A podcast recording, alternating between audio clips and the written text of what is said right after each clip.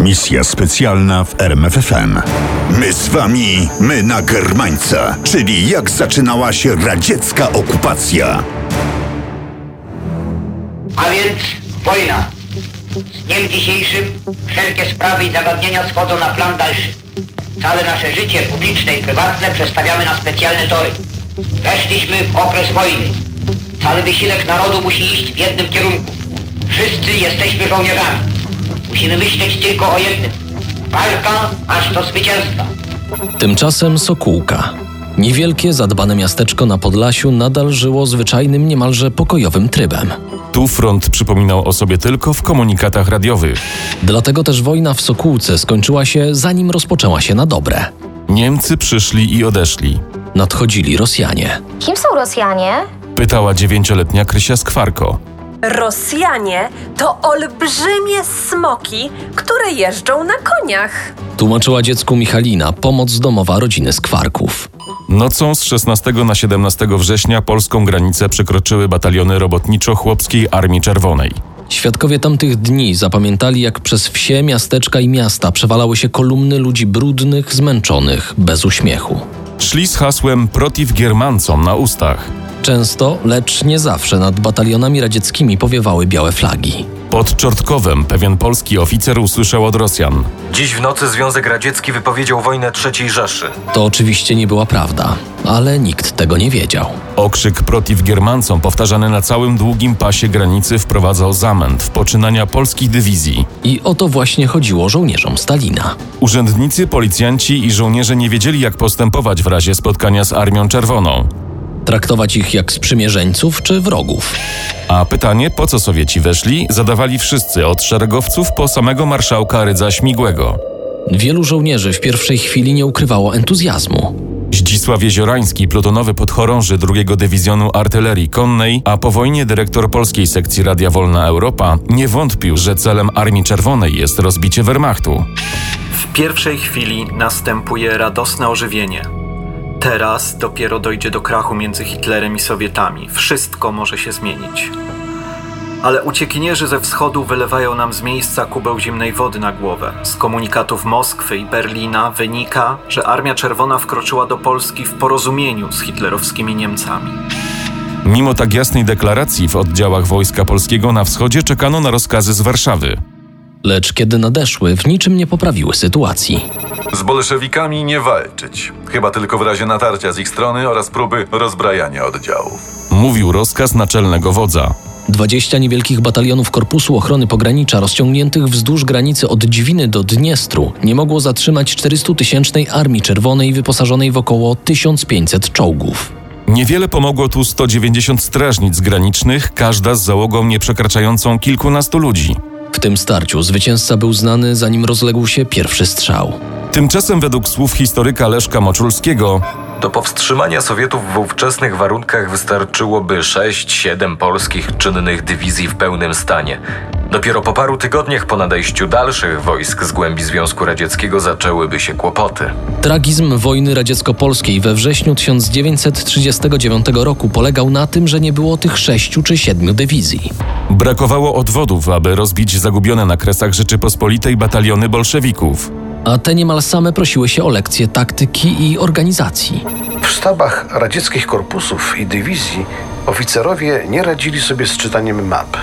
Czerwonoarmiści gubili kierunki geograficzne, nie orientowali się gdzie północ, gdzie południe, nie potrafili odczytać łacińskich liter znaków drogowych. Pisał rosyjski historyk Władimir Bieszanow. Zdarzało się, że przez kilka godzin kolumny pojazdów stały bezczynnie na środku drogi bądź kręciły się po okolicy, nie wiedząc gdzie się podziać. Zaczęły się problemy z dostawami. Czołgom brakowało paliwa. Stalowe potwory zatrzymywały się więc pojedynczo bądź po kilka wzdłuż dróg Polski Wschodniej, a dzień lub dwa dni później mijały je idąc na zachód kolumny piechoty. Do Sokółki najpierw przyszła pogłoska, nieokreślona i mętna. Potem szum mniej lub bardziej nieprawdopodobnych plotek zmienił się w szum silników samochodów ciężarowych i chrzęst gąsienic tanków. Na ludzi padł strach. Rodzice małej Krysi i jej malutkiego brata Stasia postanowili uciec do strefy niemieckiej. Nie wiedzieli, na jak długo wyjeżdżają. Może na tydzień, może na miesiąc lub rok, a może na zawsze. Należało zabrać najpotrzebniejsze rzeczy: dokumenty, pamiątki rodzinne, pieniądze, biżuterię. Dlatego płaszczyk, w który ubrano małą Krysię, był niezwyczajnie ciężki i niewygodny. Pod podszewką zaszyto pieniądze i biżuterię. Jeżeli ktoś obcy zechce zdjąć z ciebie okrycie, masz zacząć głośno płakać i krzyczeć. Rozumiesz? Tak, mamo. Wyjechali w nocy z liczną grupą, jechali długo. Niespodziewanie Staś zaczyna bardzo wymiotować. Nie może przestać. Jest bardzo gorący. Ktoś mówi, że to zapalenie opon mózgowych, ktoś inny mówi, że Staś umiera. Tak już jako dorosła kobieta zapisze Krystyna Tomaszyk w książce Droga i Pamięć. Rodzina z Kwarków powróciła do Sokółki z chorym Stasiem. Wysoka gorączka ustąpiła i dziecko szczęśliwie wróciło do zdrowia. Lecz rodzice nie podjęli następnej próby przedostania się do generalnego gubernatorstwa. Pozostali w domu, co szybko musiało się obrócić przeciwko nim. Najpierw zniknął Stanisław Skwarko. Był sędzią, a jako sędzia nie budził zaufania radzieckich okupantów, więc został aresztowany. Przewieziono go do białostockiego więzienia, później miał trafić na Sybir. NKWD przychodziło zwykle nocą, oznajmiając się łomotaniem w drzwi. Aresztowanemu nie pozostawiano wiele czasu na ubranie się czy spakowanie. Zazwyczaj nie informowano również, gdzie zabierano aresztowanego. Rodziny musiały same dopytywać o to w placówkach NKWD, aresztach i więzieniach. Kilka dni po aresztowaniu męża, Krystyna Skwarko dowiedziała się, że dom, który zajmuje, jest dla nich zbyt duży. Musieli się wyprowadzić. Na szczęście znaleźli nowe lokum niedaleko, w Sokółce. Zamieszkali u znajomej, starszej kobiety zżytej z rodziną do tego stopnia, że dzieci mówiły do niej po prostu babciu. Dom był niewielki, schludny.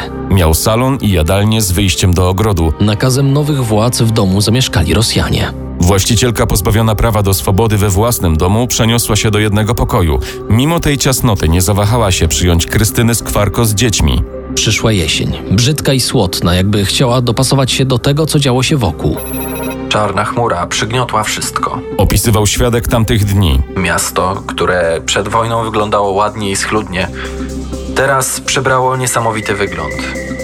Ulice brudne i pełne błota, trawniki zdeptane, połamane barierki koło trawników i młode drzewka, którymi były wysadzone ulice. Ten opis dotyczył Łódzka, pasuje jednak równie dobrze do innych miast Polski Wschodniej Sokółki, Wilna, Stanisławowa czy Lwowa. Jest wprost nie do wiary, jak można wygląd miasta w ciągu półtora miesiąca zupełnie zmienić. To już niepogodny, piękny, zachodni Lwów.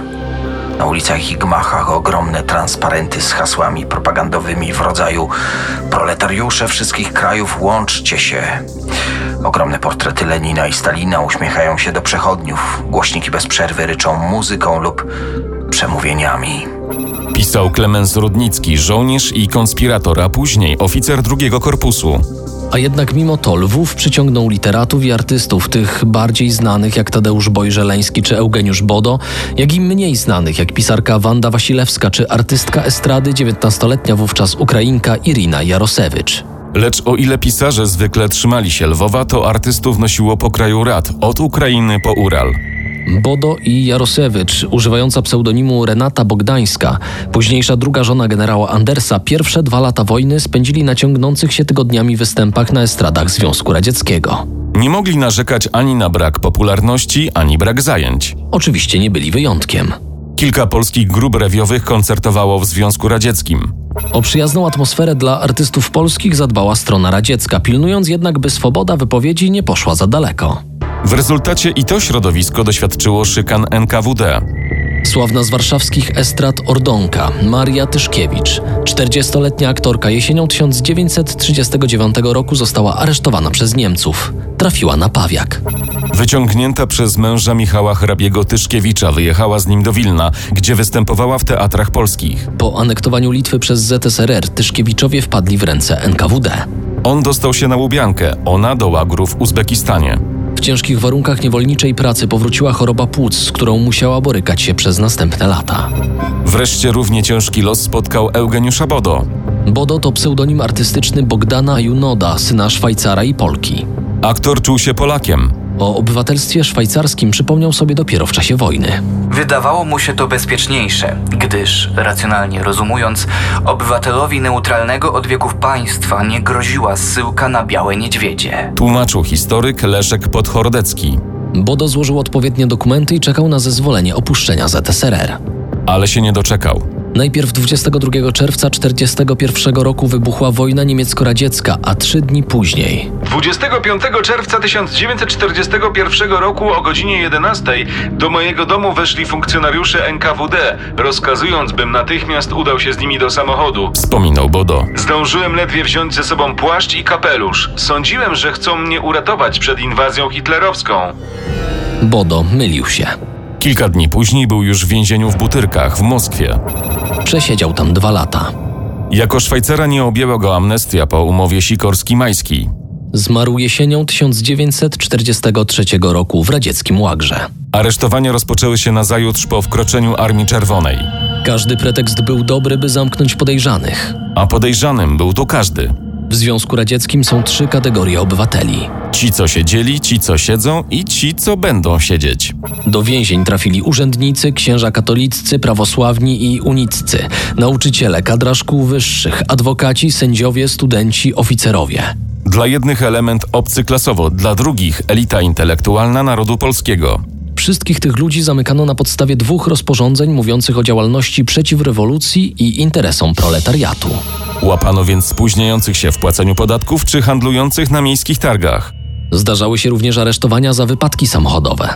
Funkcjonariusze NKWD kierowali się w tym przypadku zapewne statusem ekonomicznym podejrzanego. Któż mógł mieć samochód, jeśli nie burżuj, a burżuj to wróg proletariatu? Wstępem do aresztowania był donos. Donosiciele nierzadko rekrutowali się z sąsiadów, kolegów z pracy czy wszelkiej maści znajomych.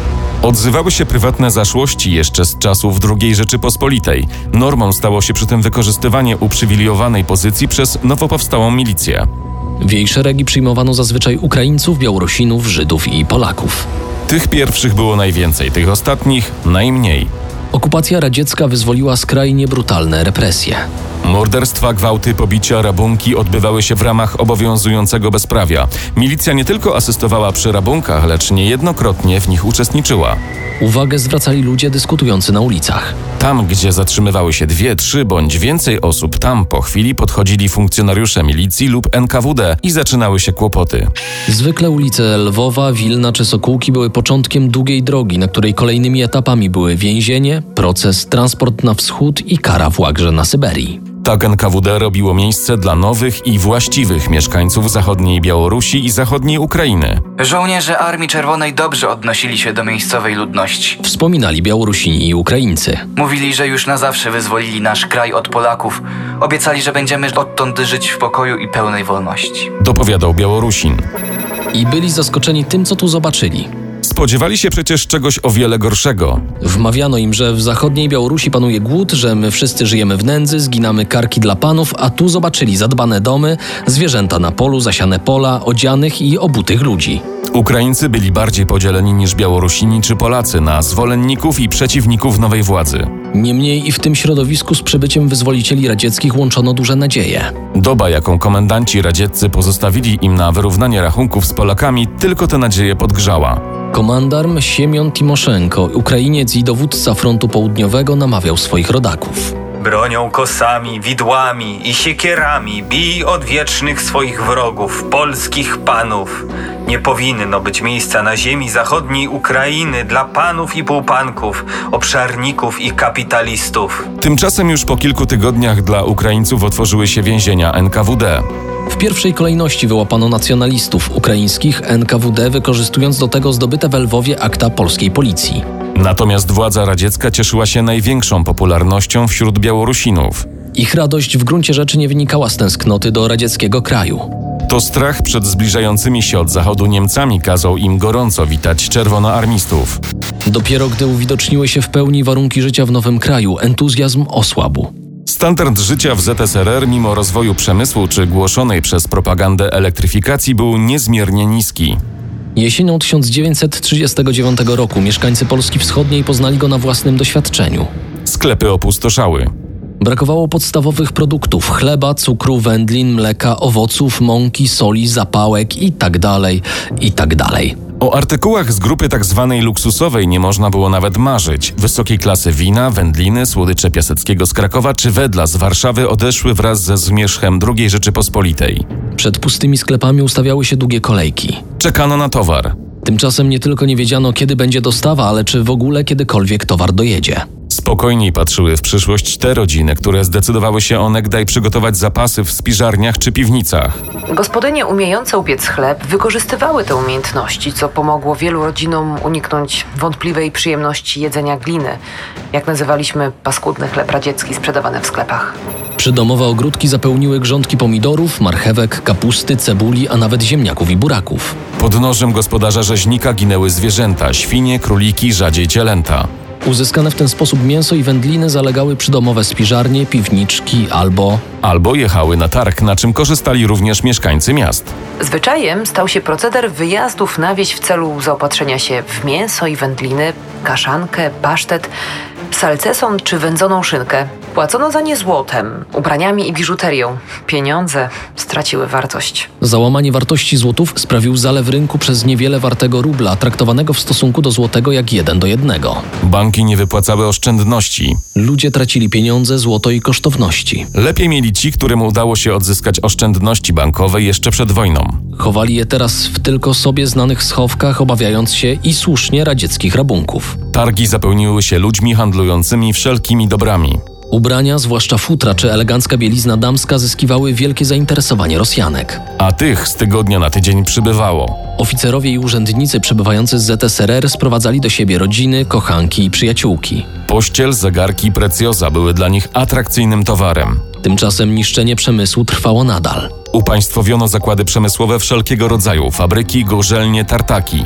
Maszyny wywożono w głąb ZSRR, rabując dobytek kilku pokoleń wielu rodzin przedsiębiorców. Kawiarnie i restauracje świeciły pustkami. Po kilku dniach bądź tygodniach właścicielom zaglądało w oczy bankructwo.